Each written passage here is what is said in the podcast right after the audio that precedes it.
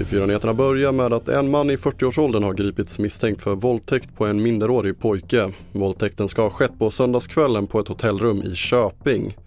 Det var pojken själv som larmade polisen och mannen var kvar på hotellet när patrullen kom dit och greps utan dramatik och den utsatte pojken fördes till sjukhus.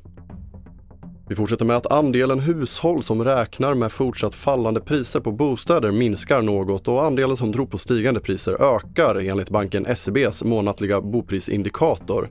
Men det är från låga nivåer och den dominerande trenden är ännu negativ framhåller banken. Ja, kanske som att man skulle säga att det här är starten på återhämtningen efter ett väldigt dystert privatekonomiskt år. Nu ska man komma ihåg då att vi kommer från väldigt låga nivåer. Det är fortfarande ungefär hälften av svenska hushåll som fortfarande tror på fallande priser under det kommande året. Men ja, det kan vara starten på återhämtningen. Det sa SCBs privatekonom Americo Fernandes.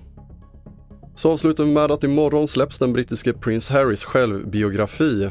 I en lång intervju med brittiska ITV berättar prins Harry allt om bråket med kungafamiljen och han säger att hans hustru Meghan aldrig riktigt välkomnades helt av familjen.